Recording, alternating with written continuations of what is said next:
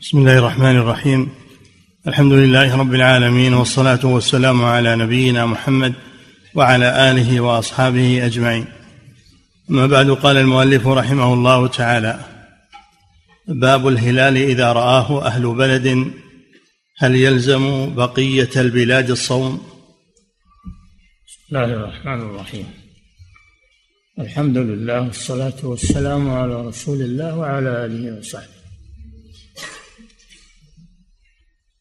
النبي صلى الله عليه وسلم علق الصيام برؤية الهلال. إذا رأيتموه فصوموا.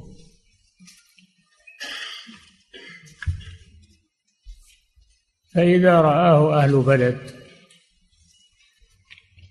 أو أهل إقليم هل يلزم المسلمين في سائر الأقاليم أن يصوموا؟ هذا قول لبعض أهل العلم وهو الذي ذكره في متن الزاد من فقه الحنابلة. قال وإذا رآه أهل بلد لزم الناس كلهم لزم الناس كلهم الصوم.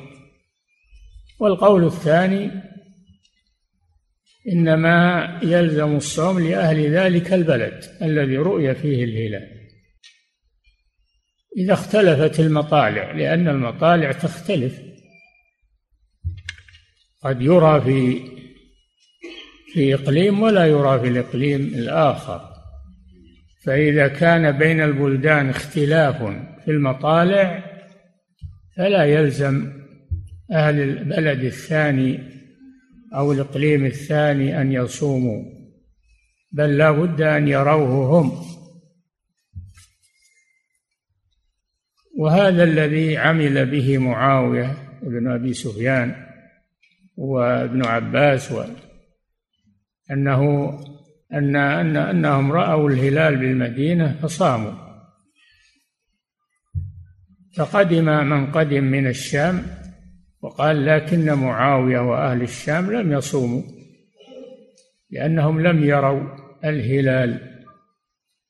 فهذا دليل على أن ذلك يختلف اختلاف المطالع. فإذا اختلفت المطالع فكل أهل إقليم يصومون برؤيتهم لأن أهل الشام اختلفوا عن أهل المدينة. في بداية الصيام. نعم. باب الهلال إذا رآه أهل بلد هل يلزم بقية البلاد الصوم؟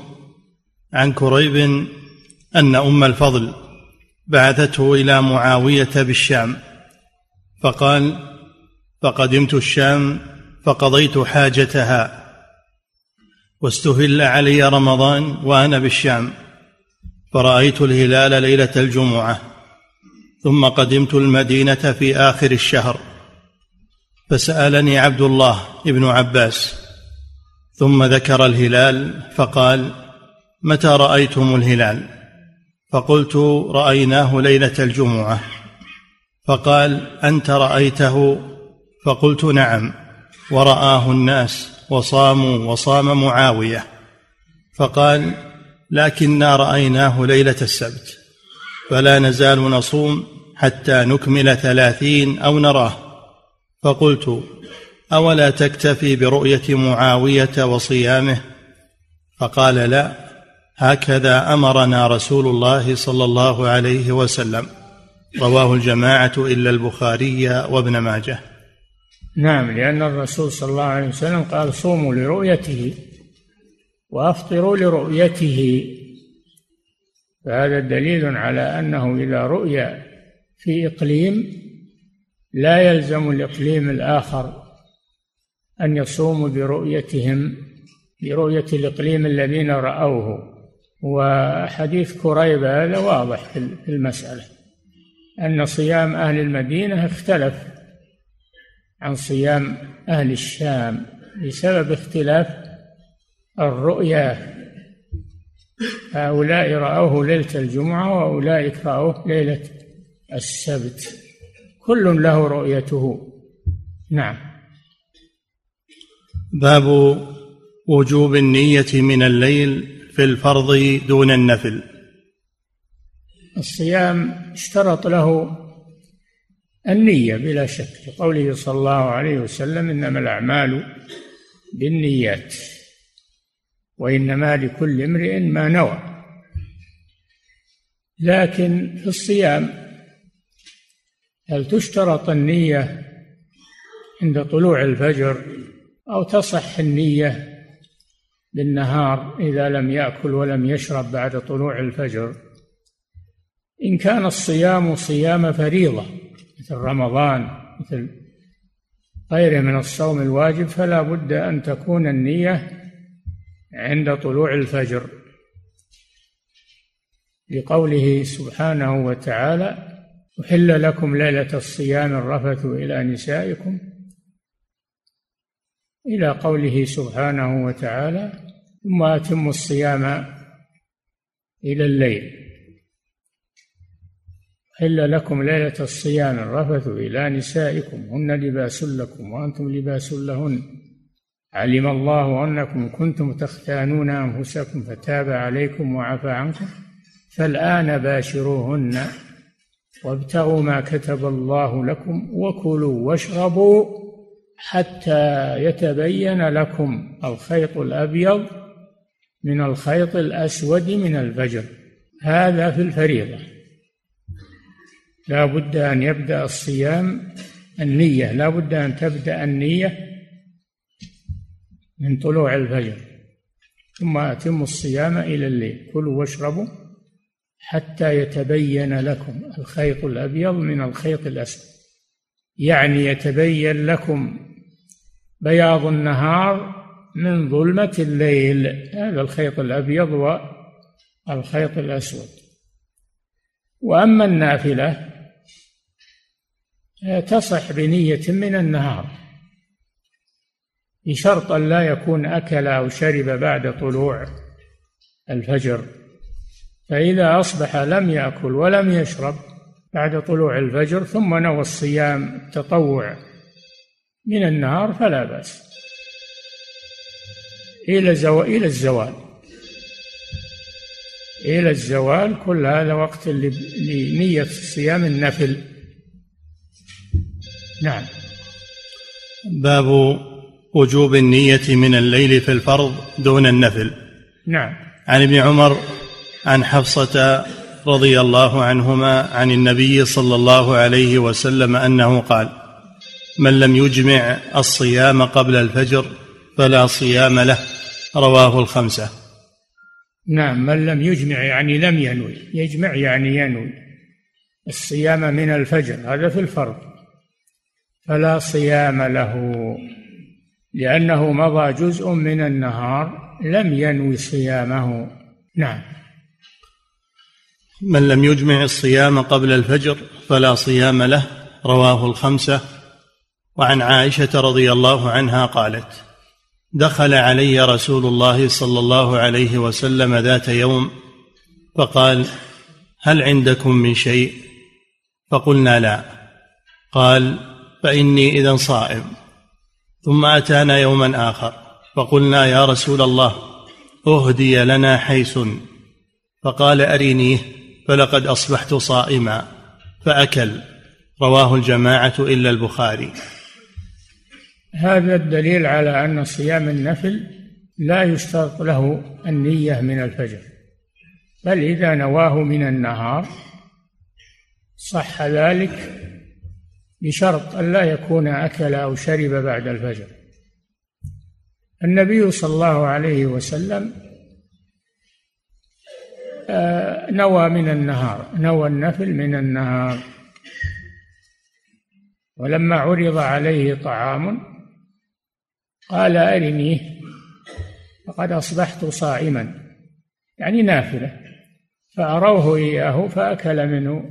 هذا دليل على أن صوم النفل يصح بنية من النهار ويجوز قطعه أيضا لأن الرسول فعل الأمرين قال إني أصبحت صائما وأكل فقطع الصوم النافلة من النهار.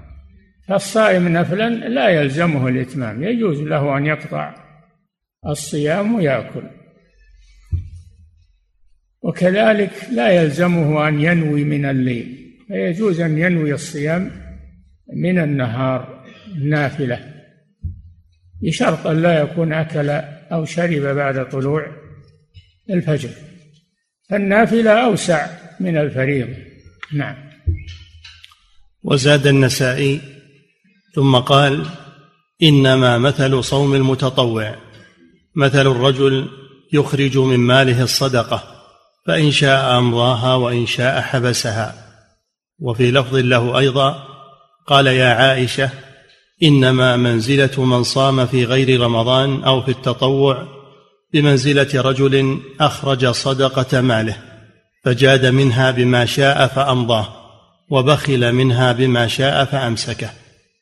نعم هذا دليل على أن صيام النفل لا يلزم إكماله بل يجوز أن يقطعه في النهار.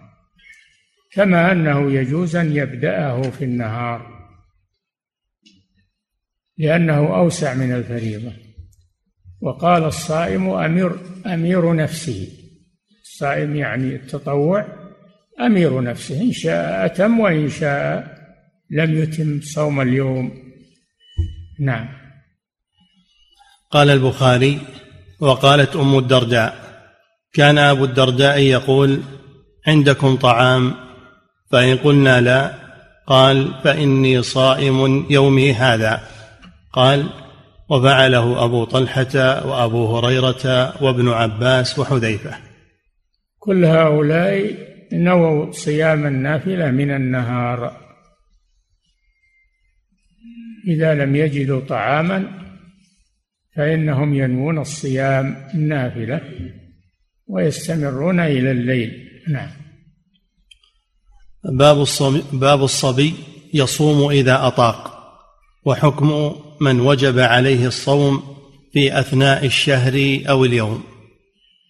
نعم الصبي الذي لم يبلغ ولكنه مميز بلغ سن التمييز صار يعرف ينوي يؤمر بالصيام ويكون له تطوعا يكون له تطوعا. مثل ما يؤمر بالصلاة وهي لم تجب عليه مروا أولادكم بالصلاة لسبب.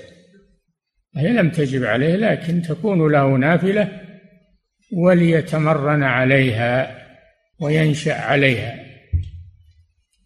فالنافلة أوسع من الفريضة. يجوز أن ينويها من النهار الصوم يجوز أن ينويها من النهار الصوم. نعم. وحكم من وجب عليه الصوم في أثناء الشهر أو اليوم. نعم من من وجب عليه الصوم في أثناء النهار في أثناء النهار أول النهار ما وجب عليه لكن وجب عليه في أثناء النهار فإنه يمسك. مثل المسافر إذا قدم مثل الحائض إذا طهرت مثل الجاهل بالصيام إذا علم بوجوب الصيام فإنه يمسك بقية يومه بعد علمه ويقضيه لأنه لم يصم اليوم كاملا فيقضيه لكن يمسك احتراما للوقت يمسك احتراما للوقت. نعم. عن الربيع بنت معوذ قالت أرسل رسول الله صلى الله عليه وسلم غداة غداة عاشوراء إلى قرى الأنصار التي حول المدينة. من كان أصبح صائما فليتم صومه ومن كان أصبح مفطرا فليتم بقية يومه. فكنا بعد ذلك نصومه ونصومه ونصومه صبياننا الصغار منهم. ونذهب إلى المسجد فنجعل لهم اللعبة من العهن. فإذا بكى أحدهم من الطعام أعطيناها إياه حتى يكون عند الإفطار. أخرجاه. نعم. عاشوراء هو اليوم العاشر من شهر المحرم. كان صيامه واجبا في أول الإسلام. كان صيامه فرض فرضا في أول الإسلام. ثم لما شرع صيام رمضان نسخ الوجوب لعاشوراء وبقي الاستحباب. فصيام يوم عاشوراء مستحب سنة مؤكدة مع صوم يوم قبله أو يوم بعده. إذا فات اليوم الذي قبله يصوم يوم بعده. ولا يفرده هكذا أمر النبي صلى الله عليه وسلم. وهو سنة مؤكدة. وكانوا يصومون صبيانهم. كانوا يصومون صبيانهم. وإن كانوا لم يجب عليهم الصيام لكن يصومونهم من باب التمرين على الصيام ومن باب أنه يكون لهم نافلة. فإذا بكى الأطفال وتذكروا الطعام أشغلوهم باللعبة بالعهن وهو الصوف. بالعهن وهو الصوف. ألعاب معمولة من الصوف فيعطونهم إياها يتلهون بها عن الإفطار حتى يتم اليوم. نعم. قال البخاري وقال عمر لنشوان لنشوان في رمضان ويلك وصبياننا صيام وضربه. نشوان يعني شارب شارب خمر من النشوة وهي الطرب. هذا شرب على عهد عمر رضي الله عنه فقال ويلك حتى الصيام صيام وأنت أفطرت وشربت فضربه رضي الله عنه يعني ضربه الحد. جلده حد المسكر وزاد تعزيرا. حد المسكر أربعون جلدة أربعون جلدة وزادها تزاد إلى مئة جلدة من باب التعزير لمن أفطر في رمضان متعمدا. نعم. وعن سفيان بن عبد الله بن ربيعة قال حدثنا وفدنا الذين قدموا على رسول الله صلى الله عليه وسلم بإسلام ثقيف. قال وقد قال حدثنا وفدنا الذين قدموا على رسول الله صلى الله عليه وسلم بإسلام ثقيف. قال وقدموا عليه في رمضان فضرب عليهم قبة في المسجد فلما أسلموا صاموا ما بقي عليهم من الشهر. رواه ابن ماجه. نعم وفد ثقيف. ثقيف هي الطائف. قبيلة في الطائف. قالوا لهم ثقيف. ينسب إليها الثقفي مثل الحجاج. الثقفي والمختار الثقفي آه، وهم من سكان الطائف. قدم وفدهم على رسول الله صلى الله عليه وسلم. واسلموا في أثناء شهر رمضان. فأمرهم النبي صلى الله عليه وسلم بصيام بقية الشهر. هذا دليل على أن من أسلم في بقية الشهر من رمضان أنه يلزم بصيام بقية الشهر. بعد إسلامه. وكذلك الصبي إذا بلغ يلزم بالصيام من بلوغه في أثناء رمضان. نعم. وعن عبد الرحمن ابن مسلمة عن عمه أن أسلم أتت النبي صلى الله عليه وسلم فقال صمتم يومكم هذا؟ قالوا لا. قال فأتموا بقية يومكم واقضوا. رواه أبو داود. نعم أسلم يعني قبيلة أسلم. وفدوا على النبي صلى الله عليه وسلم وسألهم لأن هذا في رمضان. سألهم هل صاموا يومهم هذا؟ قالوا لا. قال صوموا بقية اليوم. يعني يمسكون بقية اليوم احتراما للوقت. هذا فيه دليل على أن المعذور الذي أفطر لعذر وزال عذره في أثناء اليوم أنه يلزمه أن أن يمسك بقية اليوم. مثل الحائض إذا طهرت في أثناء اليوم للصغير إذا بلغ أثناء اليوم يلزمه الإمساك بقية اليوم ويقضيه يقضي اليوم كاملا لأنه لم يصمه كاملا فيقضيه في هذه الرواية أن الرسول أمرهم بقضائه. نعم. وهذا حجة في أن صوم عاشوراء كان واجبا. كان في أول الإسلام. كان في أول الإسلام واجبا. ثم لما فرض الله الإسلام آه، صيام رمضان ثم لما فرض الله صيام رمضان نسخ الوجوب في عاشوراء وبقي الاستحباب. نعم. وأن الكافر إذا أسلم أو بلغ الصبي في أثناء يومه لزمه إمساكه وقضاؤه. نعم هذا كلام المصنف رحمه الله إيش يقول؟ وهذا حجة في أن صوم عاشوراء كان واجبا وأن الكافر إذا أسلم أو بلغ الصبي في أثناء يومه لزمه إمساكه وقضاؤه. نعم. هذا الدليل على صوم عاشوراء أنه كان في أول الإسلام واجبا.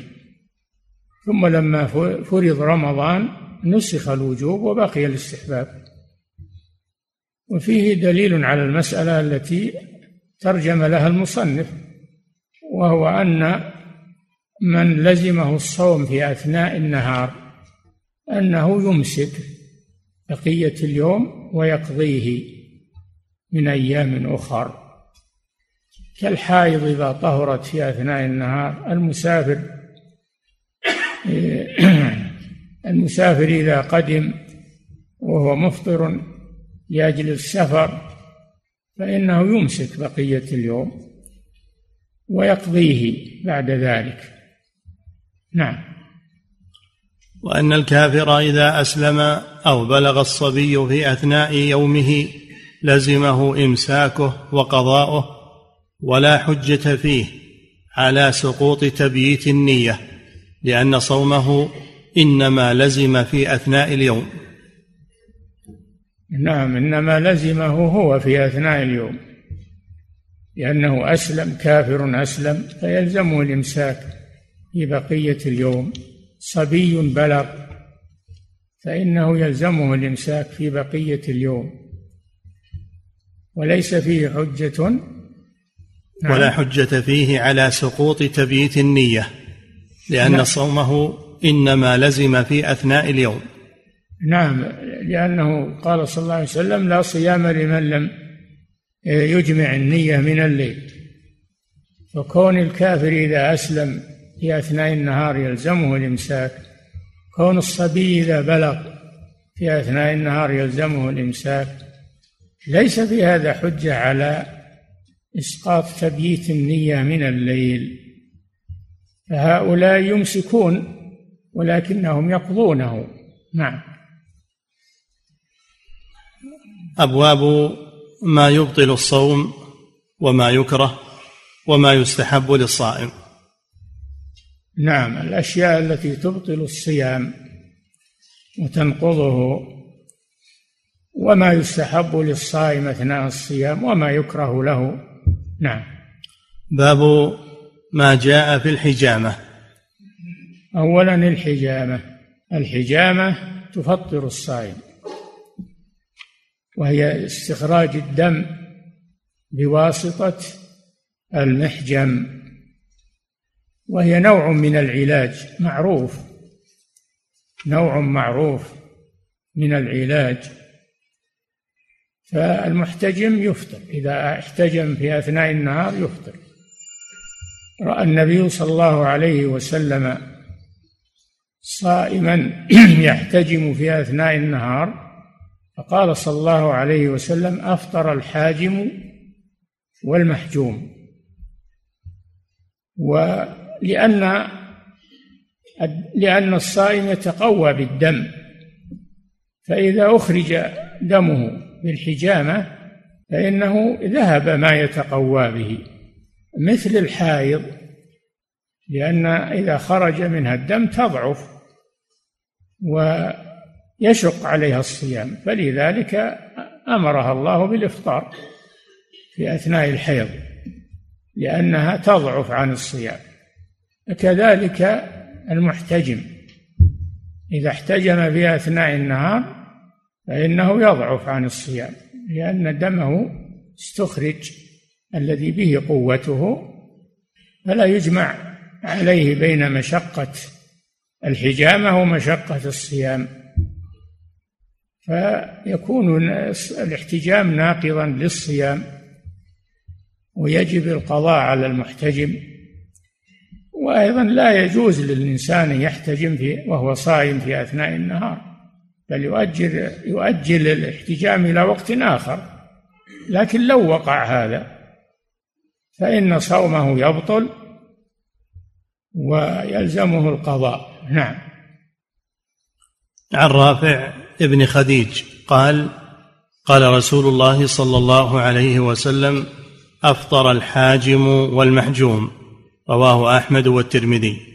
النبي صلى الله عليه وسلم رأى رجلا يحتجم وهو صائم يعني في وقت الصيام فقال أفطر الحاجم وهو الذي يمتص الدم بالقرن والمحجوم. المحجوم واضح كونه أفطر لكن الحاجم ليش أفطر؟ قالوا لأنه يمتص الدم وربما يطير إلى حلقه شيء منه. فيفطر بذلك. نعم. أفطر الحاجم والمحجوم رواه أحمد والترمذي ولأحمد وأبي داود وابن ماجه من حديث ثوبان وحديث شداد بن أوس مثله ولأحمد وابن ماجه من حديث أبي هريرة مثله ولأحمد من حديث عائشة وحديث أسامة بن زيد مثله. يعني كل هذه شواهد على أنه يفطر المحتجم في أثناء النهار. نعم. وعن ثوبان أن رسول الله صلى لأن فيه من العلماء من يرى أنه لا يفطر. نعم. وعن ثوبان أن رسول الله صلى الله عليه وسلم في رواية في رواية احتجم النبي صلى الله عليه وسلم وهو صائم. قالوا هذا دليل على أن الصائم لا لا يفطر بالحجامة. ولكن شيخ الإسلام يقول هذه الرواية غير محفوظة. المحفوظ أنه احتجم وهو محرم ولم يحفظ أنه احتجم صلى الله عليه وسلم وهو صائم. نعم. وعن ثوبان أن رسول الله صلى الله عليه وسلم أتى على رجل يحتجم في رمضان فقال أفطر الحاجم والمحجوم. وعن الحسن عن معقل بن سنان الأشجعي أنه قال مر علي رسول الله صلى الله عليه وسلم وأنا أحتجم. في ثمان و في ثمان عشرة ليلة خلت من شهر رمضان. فقال أفطر الحاجم والمحجوم. رواهما أحمد. نعم هذا دليل على أن الحجامة تفطر الصائم لأنه لأنها تسحب الدم الذي يتقوى به بدن الصائم. فيحتاج إلى الإفطار. يحتاج إلى الإفطار ليعوض ما حصل له من نقص المغذي. نعم. وهما دليل على أن من فعل يقول المؤلف رحمه الله وهما وهما دليل على أن من فعل ما يفطر جاهلا يفسد صومه بخلاف الناس. لأن هؤلاء جاهلون الذي رآهم النبي صلى الله عليه وسلم يحتجمون في يوم الصيام جهال ومع هذا قال أفطر. دل على أنه يفطر المحتجم ولو كان جاهلا بالحكم. نعم. وهما دليل على أن من فعل ما يفطر جاهلا يفسد صومه بخلاف الناس. خلاف الناس ربنا لا تؤاخذنا إن نسينا أو أخطأنا الناس معذور بنص القرآن. أما المحتجم فهذا غير معذور بنص السنة كما في هذا الحديث. نعم. قال أحمد أصح حديث في هذا الباب حديث رافع بن خديج. أفطر الحاجم والمحجوم. نعم. وقال ابن المديني أصح شيء في هذا الباب حديث ثوبان وشداد بن أوس. علي بن المديني من حفاظ الحديث رحمه الله. أيضا مثل كلامه مثل كلام الإمام أحمد لأن هذا أصح ما روي في حكم الحجامة للصائم وأنها تفطر. نعم. وعن ابن عباس رضي الله عنهما أن النبي صلى الله عليه وسلم احتجم وهو محرم واحتجم وهو صائم. رواه أحمد والبخاري. وفي لفظ احتجم وهو محرم صائم. رواه أبو داود وابن ماجه والترمذي وصححه. نعم هكذا. لكن شيخ الإسلام يقول ما احتجم وهو صائم هذه غير محفوظة. إنما احتجم وهو محرم هذا المحفوظ. نعم. وعن ثابت البناني أنه قال لأنس بن مالك أكنتم تكرهون الحجامة للصائم على عهد النبي صلى الله عليه وسلم؟ قال لا إلا من أجل الضعف. رواه البخاري. إلا؟ إلا من أجل الضعف. لأن الحجامة تضعف تضعف تضعف الصائم. إذا لاستخراج الدم الذي به قوته. نعم. وعن عبد الرحمن بن أبي ليلى عن بعض أصحاب النبي صلى الله عليه وسلم قال إنما نهى النبي صلى الله عليه وسلم عن الوصال في الصيام والحجامة للصائم إبقاء على الصحابة ولم يحرمهما. رواه أحمد وأبو داود. الشاهد في الحجامة أنه نهى عنها ولم يحرمها. هكذا قال هذا الصحابي نهى عنها ولم يحرمها. يعني رحمة بالصائم لأنها تضعفه. ولو صام على هذا هذه الرواية فلو صام صح صومه. هذه حجة من يرى أن الحجامة لا تفطر الصائم. نعم. وعن انس رضي الله عنه قال أول ما كرهت الحجامة للصائم أن جعفر ابن أبي طالب احتجم وهو صائم فمر به النبي صلى الله عليه وسلم فقال أفطر هذان. ثم رخص النبي صلى الله عليه وسلم بعد في الحجامة للصائم وكان أنس يحتجم وهو صائم. رواه الدار قطني وقال كلهم ثقات ولا أعلم له علة. بناء على هذا على اختلاف الروايات من العلماء من يرى أن الحجامة لا تفطر الصائم وإن كانت تضعفه لكنها لا تفطره. وهذا قول لبعض العلماء والقول الأول هو أنها تفطر الصائم. قوله أفطر الحاجم والمحجوم. أفطر. هذا دليل على أنها تفطر. نعم. باب ما جاء في القيء والاكتحال. ما جاء في القيء. والقيء هو الاستفراغ. استفراغ ما في المعدة عن طريق الفم. والاستفراغ إن كان بتعمد من الصائم فإنه يبطل صومه. وإن كان الاستفراغ بغير تعمد منه وإنما ذرعه القيء وغلبه وخرج فإنه لا يفطره. هذا التفصيل في القيء للصائم. إن تقيأ هو بطل صومه لأنه أخرج الشيء الذي يتقوى به على صيامه مثل الحجامة وإن كان ذرعه القيء دون اختياره فصيامه صحيح باقي لأنه معذور. نعم. باب ما جاء في القيء والاكتحال. الاكتحال في العين. الاكتحال لا لا يفطر الصائم ولكن يكره وبعضهم يقول إذا وجد طعمه في حلقه إذا اكتحل أو قطر في عينه قطرة أو مرهم ووجد طعمه في حلقه فإنه يفطر بذلك. وإن لم يصل إلى حلقه ولم يجد له طعما فإنه لا يؤثر على الصيام. وعلى كل حال يتجنب الصائم الاكتحال يتجنبه في النهار ويكتحل في الليل. احتياطا لصيامه. نعم. باب ما جاء في القيء والاكتحال. عن أبي هريرة رضي الله عنه أن النبي صلى الله عليه وسلم قال من ذرعه القيء فليس عليه قضاء ومن استقاء عمدا فليقض. رواه الخمسة إلا النسائي. هذا التفصيل.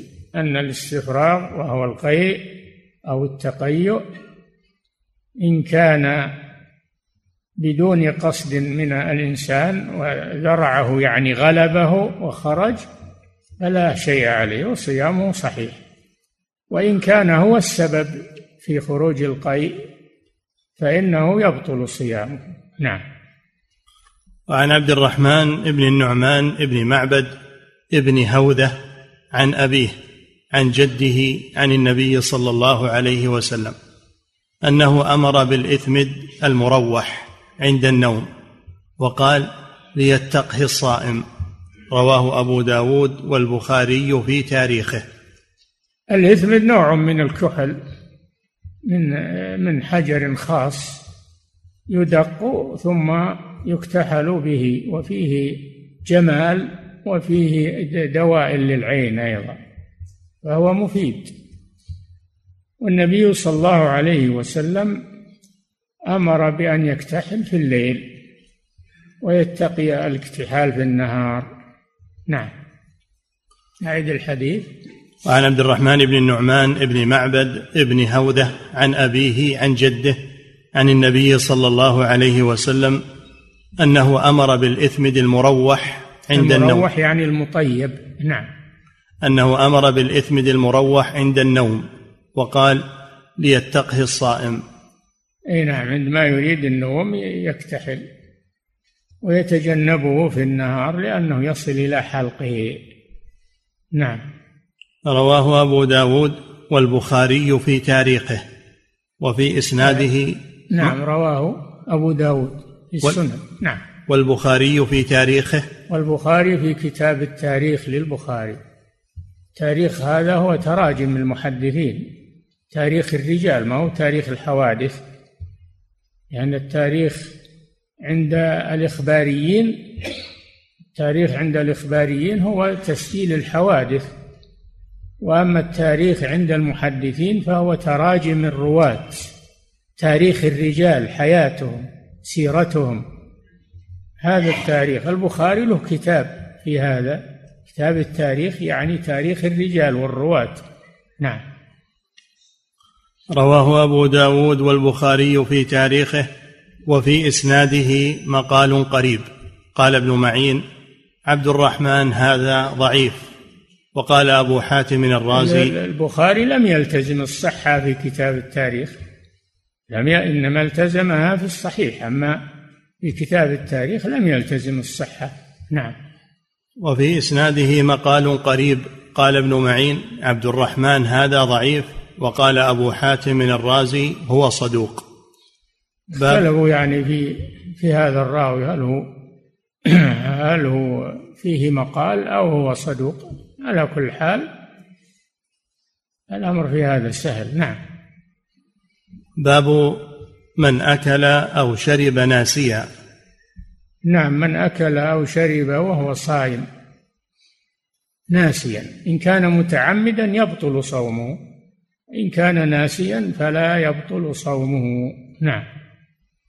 باب من أكل أو شرب ناسيا عن أبي هريرة رضي الله عنه قال قال رسول الله صلى الله عليه وسلم من نسي وهو صائم فأكل أو شرب فليتم صومه فإنما أطعمه الله وسقاه.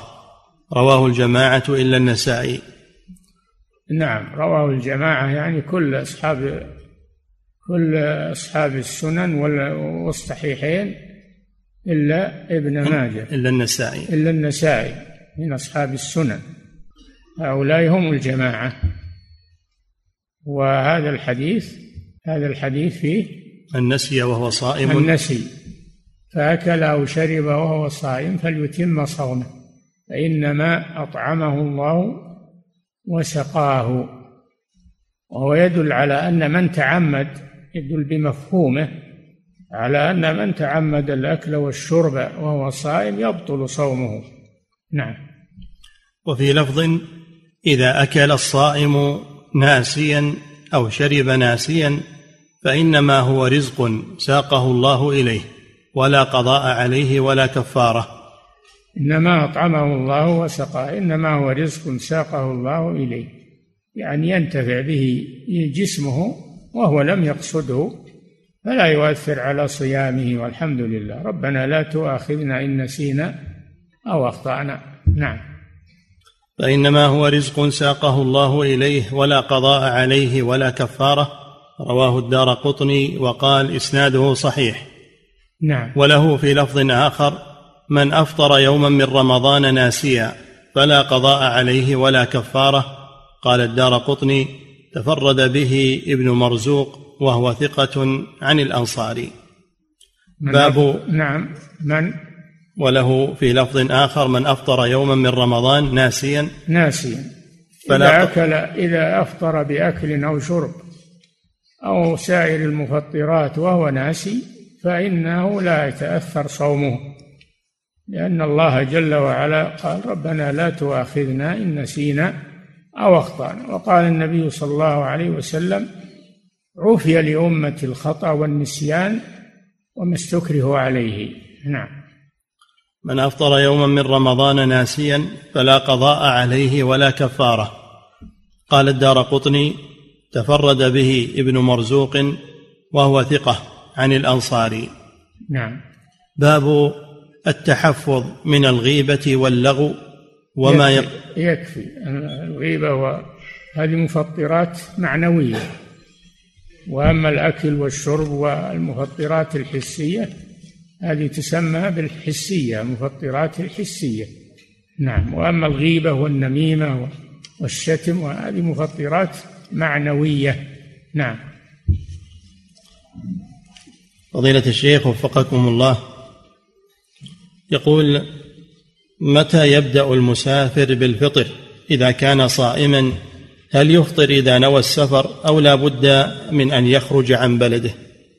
ما يفطر حتى يخرج من عامر البلد من البنيان. أما ما دام في البلد فإنه يصوم.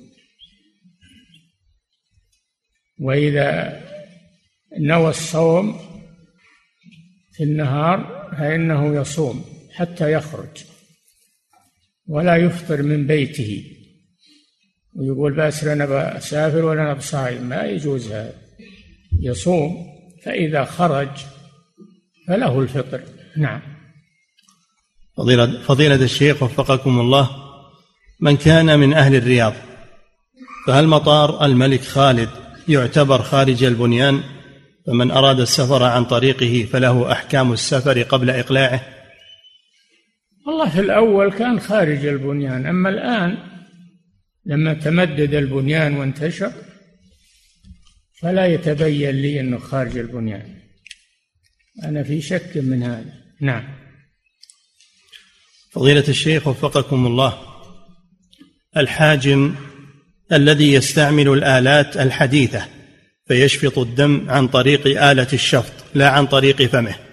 هل يفطر بفعله هذا أم يقال بأن الحكم يدور مع علته؟ الحاجم المحجوم. محجوم يفطر نعم. لأنه استخرج الدم وهو صايم فيفطر بذلك. مثل الحائض إذا خرج منها الدم الحائض تفطر. لأنه خرج الدم الذي فيه قوته وتغذيته. نعم. والحاجم حفظك الله يفطر؟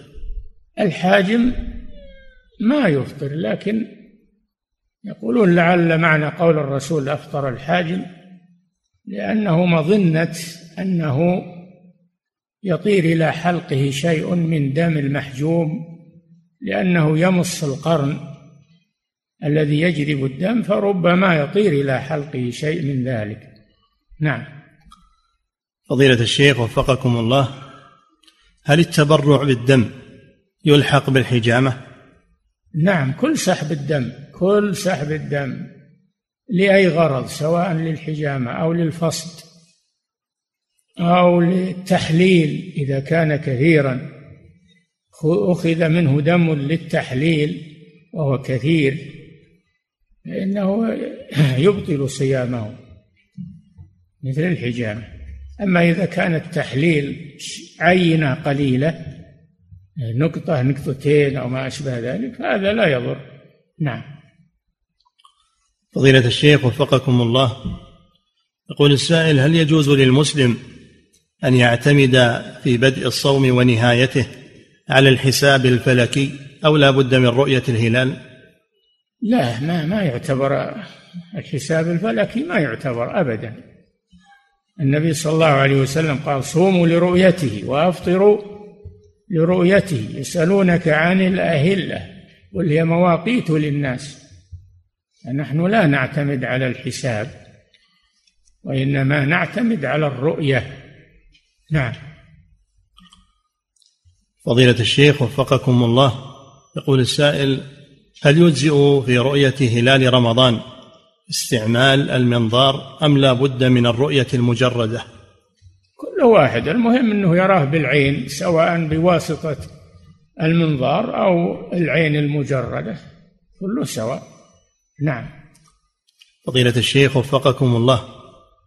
المسلمون في البلاد الكافرة إذا لم يكن هناك تراء للهلال عندهم فهل يعتمدون على كلام الفلكيين أم على رؤية بلاد الحرمين؟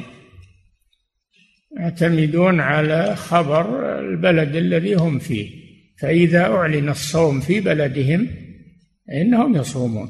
إذا أعلن الصوم في بلدهم أو أعلن الإفطار في بلدهم فإنهم يصومون ويفطرون مع المسلمين في بلدهم. نعم. فضيلة الشيخ وفقكم الله يقول السائل إذا ابتدأ رجل الصيام في السعودية مثلا ثم سافر لبلد آخر قد تأخر فطرهم. فهل يصوم إذا أكمل ثلاثين يوما أم ينتظر ليفطر مع البلد الآخر ولو صام أكثر من ثلاثين؟ حكم حكم البلد الذي وصل إليه. حكم حكم البلد الذي وصل إليه فلا يفطر إلا معهم. نعم. فضيلة الشيخ وفقكم الله يقول السائل أهل البلد الذين يطول نهارهم إلى عشرين ساعة هل يلزمهم صيام النهار كله في رمضان؟ اي نعم إذا كان خلال 24 ساعة يمر ليل ونهار ولو كان الليل قصيرا فإن النهار يجب صيامه والليل يجب إفطاره ولو كان النهار طويلا والليل قصيرا. يعني الليل ساعات قليلة والنهار أكثر. يجب. أما البلد الذي لا يمر عليه خلال 24 ساعة ليل أو نهار مثل البلاد اللي يقولون إن النهار فيها ستة أشهر والليل ستة أشهر فهذه تقاس بالبلد القريب منها. تقاس بالبلد القريب منها الذي فيه ليل ونهار. نعم. فضيلة الشيخ وفقكم الله. يقول السائل أسكن على جانب البحر وتغيب الشمس. يقول في اتجاه البحر قبل ربع قبل ربع ساعة من أذان البلد. فهل يجب علي الإفطار حين الغروب تماما أو أنتظر حتى يؤذن مؤذن البلد. لا تفطر إلا مع المسلمين. لا تفطر إلا مع المسلمين. وأنت ما رؤيك ربما أن فيها شيء من من الحواجب أو فيها شيء يحجب عنك الشمس تختفي. أجل لو احتج اختفت الشمس من وراء جبل تبي تفطر ما ما تفطر إلا إذا إذا غابت الشمس في الشفق وأقبل الليل. قال صلى الله عليه وسلم إذا أدبر النهار منها إذا أقبل الليل منها هنا وأدبر النهار منها هنا وغربت الشمس فقد أفطر الصائم. نعم. فضيلة العبرة باحتجاب الشمس. الشمس قد تحتجب في جبل في عمارة في شيء مرتفع. لكن ما أقبل الليل. لو التفت للمشرق ما ما أقبل الليل. هذا ما يحصل ما هو بليل. نعم. فضيلة الشيخ وفقكم الله يقول السائل إذا كان الإنسان يريد السفر بالطائرة فغربت عليه الشمس وهو صائم فأفطر ثم أقلعت الطائرة إلى جهة الغرب فرأى الشمس. حكم حكم أهل الأرض ما دام أنه لم لم يطر في الجو وأفطر مع الناس وهو في الأرض فإنه يكفي هذا. حكمه حكم أهل الأرض. أما إذا طار قبل الغروب فلا يفطر حتى تغيب الشمس لأنه يراها. نعم. فضيلة الشيخ وفقكم الله يقول السائل من صام يوما قضاء فهل يجوز له أن يقطعه كصيام النافلة؟ لا. القضاء واجب هذا صوم واجب. الصوم الواجب بالنذر الصوم الواجب بالقضاء الصوم الواجب في رمضان هذا لا يقطعه في النار. نعم. فضيلة الشيخ وفقكم الله يقول السائل هل يجوز إنشاء النية في صيام النافلة في أي وقت من النهار ولو قبيل الغروب؟ لا لا. هذا محدد فيما بين طلوع الفجر إلى زوال الشمس. إلى زوال الشمس. نعم.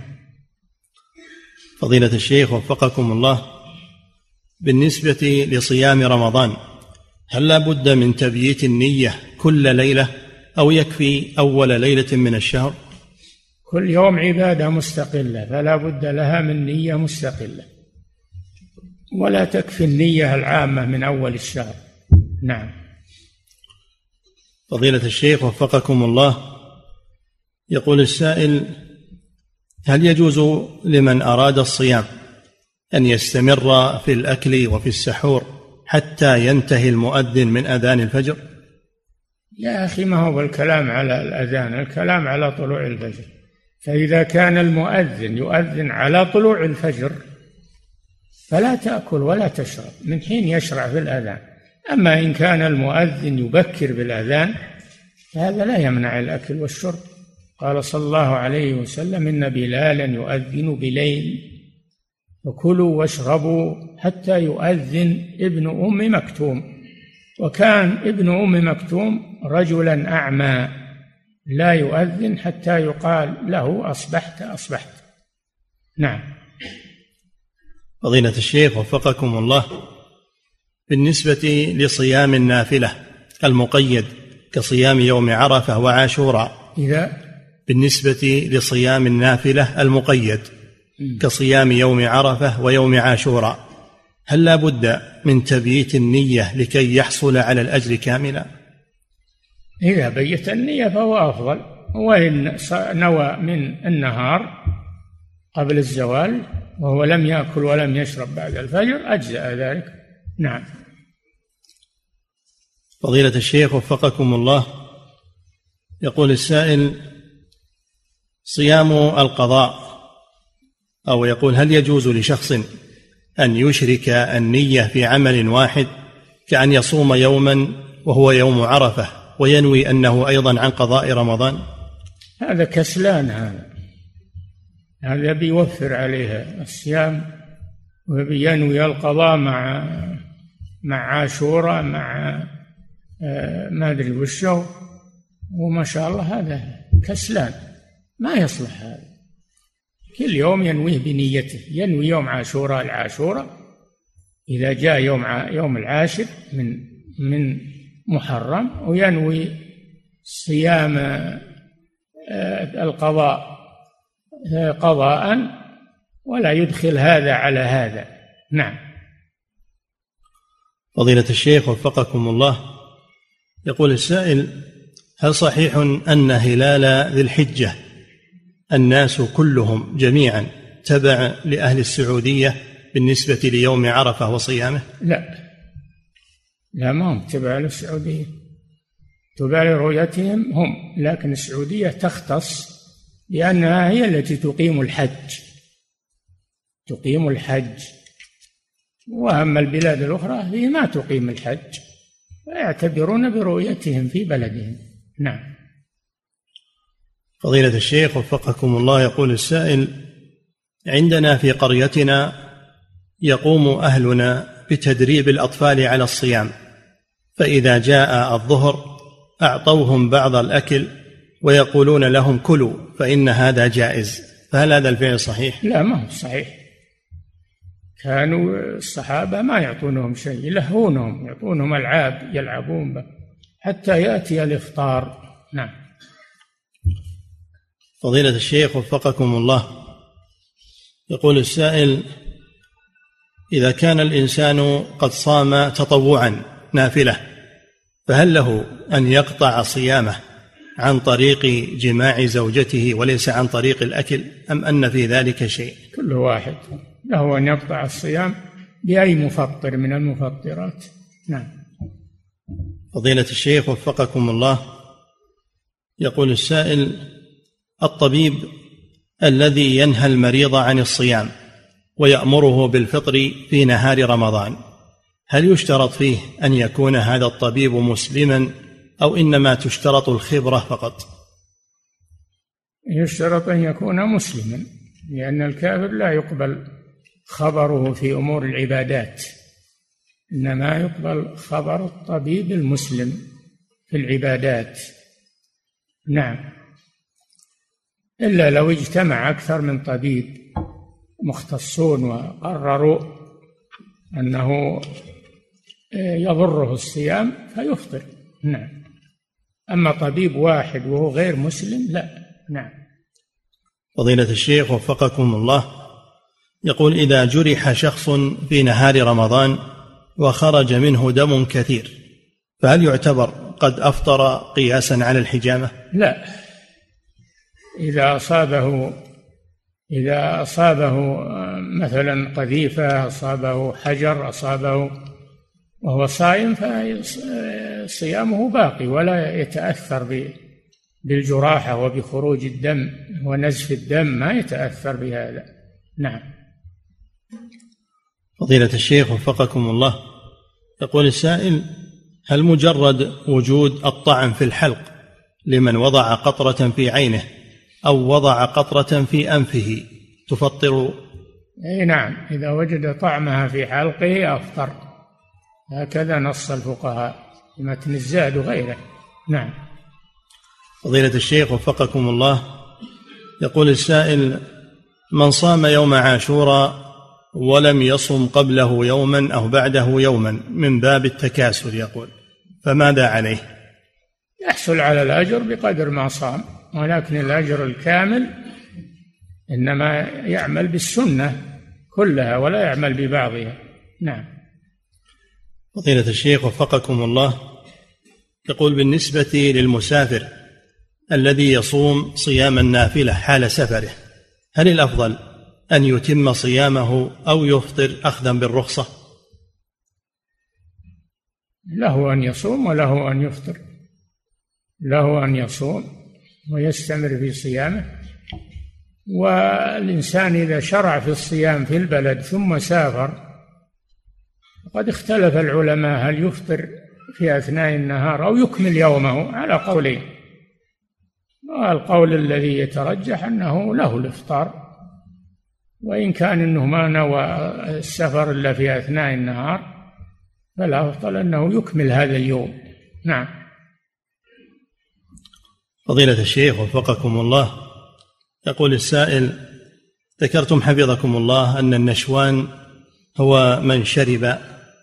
يقول فسكر. يقول وقد سماني أبي نشوانا فهل الأفضل أن أغير اسمي؟ لا نشوان يعني فرح. من الفرح. أنت إن شاء الله فرح. نعم. فضيلة الشيخ وفقكم الله. يقول السائل كيف الجمع بين قول الله سبحانه وتعالى ولا تبطلوا أعمالكم وبين جواز قطع صيام النافلة متى ما شاء. خاص. الآية عامة وهذا خاص ولا تعارض بين عام وخاص. نعم. فضيلة الشيخ وفقكم الله في الحديث عن رسول الله صلى الله عليه وسلم مروا أبناءكم أو أولادكم بالصلاة وهم أبناء سبع واضربوهم عليها لعشر. هل يقاس على ذلك الصيام؟ فيضرب على ترك الصيام بعد العشر؟ لا. ما أمر النبي صلى الله عليه وسلم بضربهم على الصيام إنما أمر بضربهم على الصلاة. نعم. فضيلة الشيخ وفقكم الله من قطع صيام التطوع بدون عذر فهل يجب عليه أن يعوض عن ذلك اليوم فيصوم يوما آخر؟ لا. الصوم النافلة لا تقضى. نعم. فضيلة الشيخ وفقكم الله يقول السائل بعض من الناس يقول بأن الحجامة سنة لأن الرسول صلى الله عليه وسلم قد فعلها. يا أخي الحجامة علاج علاج مباح ما هي بسنة علاج مباح. نعم ما أنه علاج واجب أبدا. يباح التداوي. يقول في متن الزاد يباح التداوي اتفاقا. يعني باتفاق الفقهاء أنه مباح ولا يجب. نعم. فضيلة الشيخ وفقكم الله يقول السائل علي قضاء بعض أيام من شهر رمضان وأثناء القضاء شربت بعد طلوع الفجر. علي قضاء بعض أيام من شهر رمضان وأثناء القضاء بعض أيام من شهر رمضان. بعض علي قضاء بعض أيام من شهر رمضان. نعم. وأثناء وأثناء القضاء وأثناء القضاء شربت بعد طلوع الفجر. ظنا مني أن الفجر لم يطلع. فما حكم صيامي؟ تصوم يوما بدله. تصوم يوم بدله لأن طلوع الفجر ما هو خفي. وكان عليك تسأل أيضا من حولك. نعم. فضيلة الشيخ وفقكم الله. في حديث الربيع في اتخاذ اللعبة من العهن. هل في ذلك جواز على اتخاذ الألعاب للأطفال؟ إي نعم لا بأس باتخاذ الألعاب للأطفال يتسلون بها. لا بأس بذلك من العهن أي الصوف أو من غيره. نعم.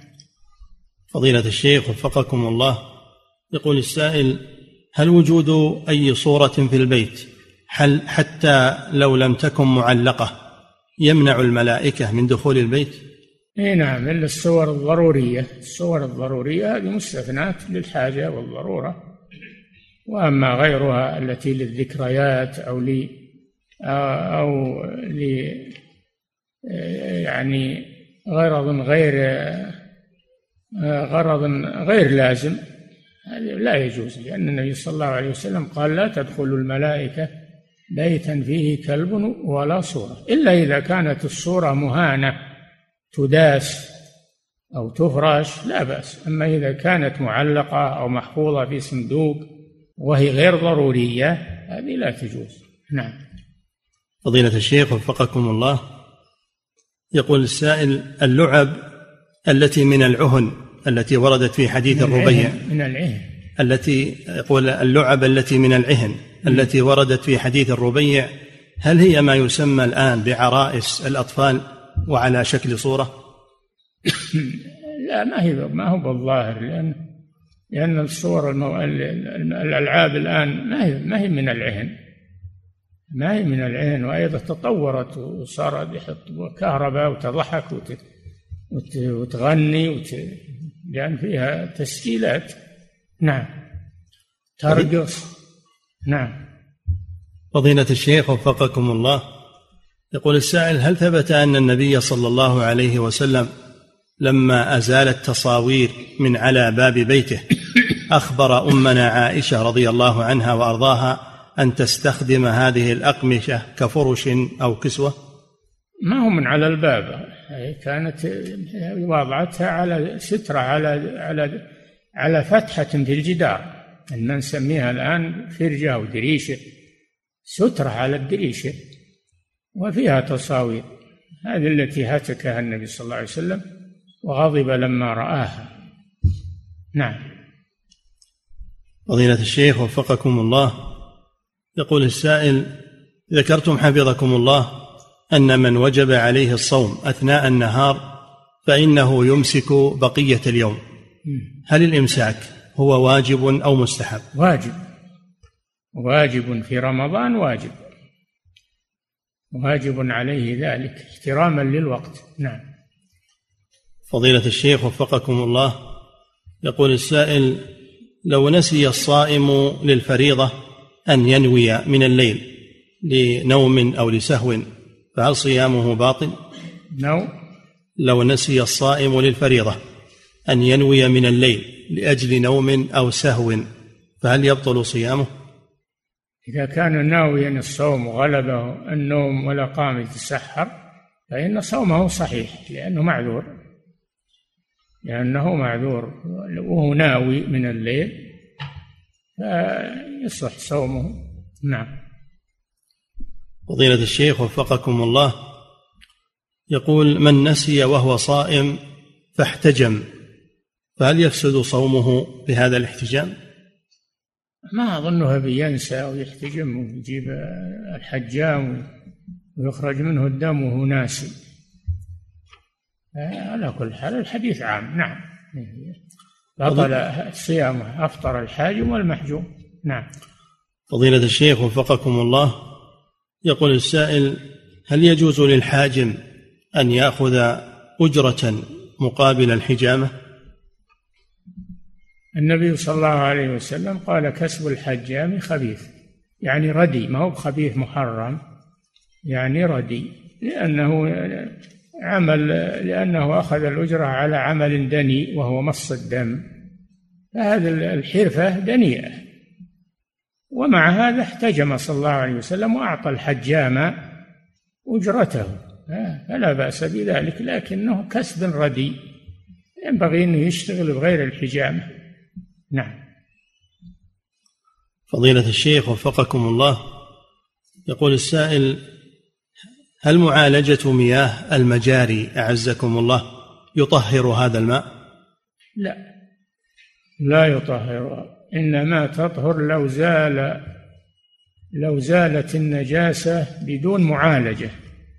لو زالت من نفسها بدون معالجة وعاد الماء لا ريح فيه ولا لون ولا طعم للنجاسة بدون معالجة هذا يطهر. أما إذا عولج وزالت آه، علامات النجاسة منه بالمعالجة فهو لا يطهر بذلك.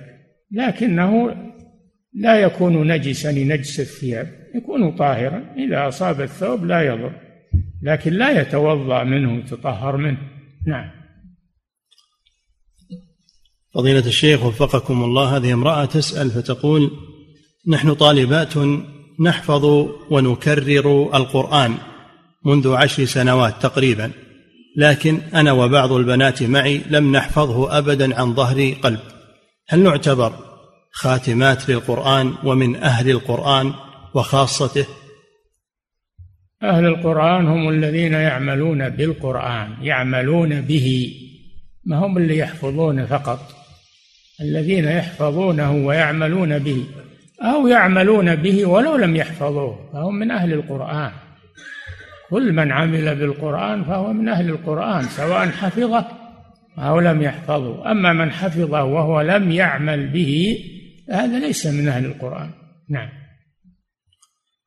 فضيلة الشيخ وفقكم الله يقول السائل إذا لبست جوربين على طهارة ثم لبست بعد ذلك عليهما جوربين آخرين ولم أنقض الوضوء بعد فهل يجوز لي أن أمسح على الثانية؟ إذا لبست قبل الحدث إذا لبست جوربا على جورب على جورب قبل الحدث فالحكم للفوقاني تمسح على الفوقاني أما إذا إذا لبسته بعد الحدث فالحكم للأسفل لا لا للفوقاني الحكم للأسفل الذي أحدثت بعد لبسه. نعم. فضيلة الشيخ وفقكم الله. يقول السائل هذه امرأة من فرنسا تسأل فتقول إنه قد استؤصل منها الرحم. تقول هل يجوز لي أن أزرع رحما آخر وذلك عن طريق التبرع بالأعضاء؟ ما أدري هذا حسب تقرير الأطباء ويعرض على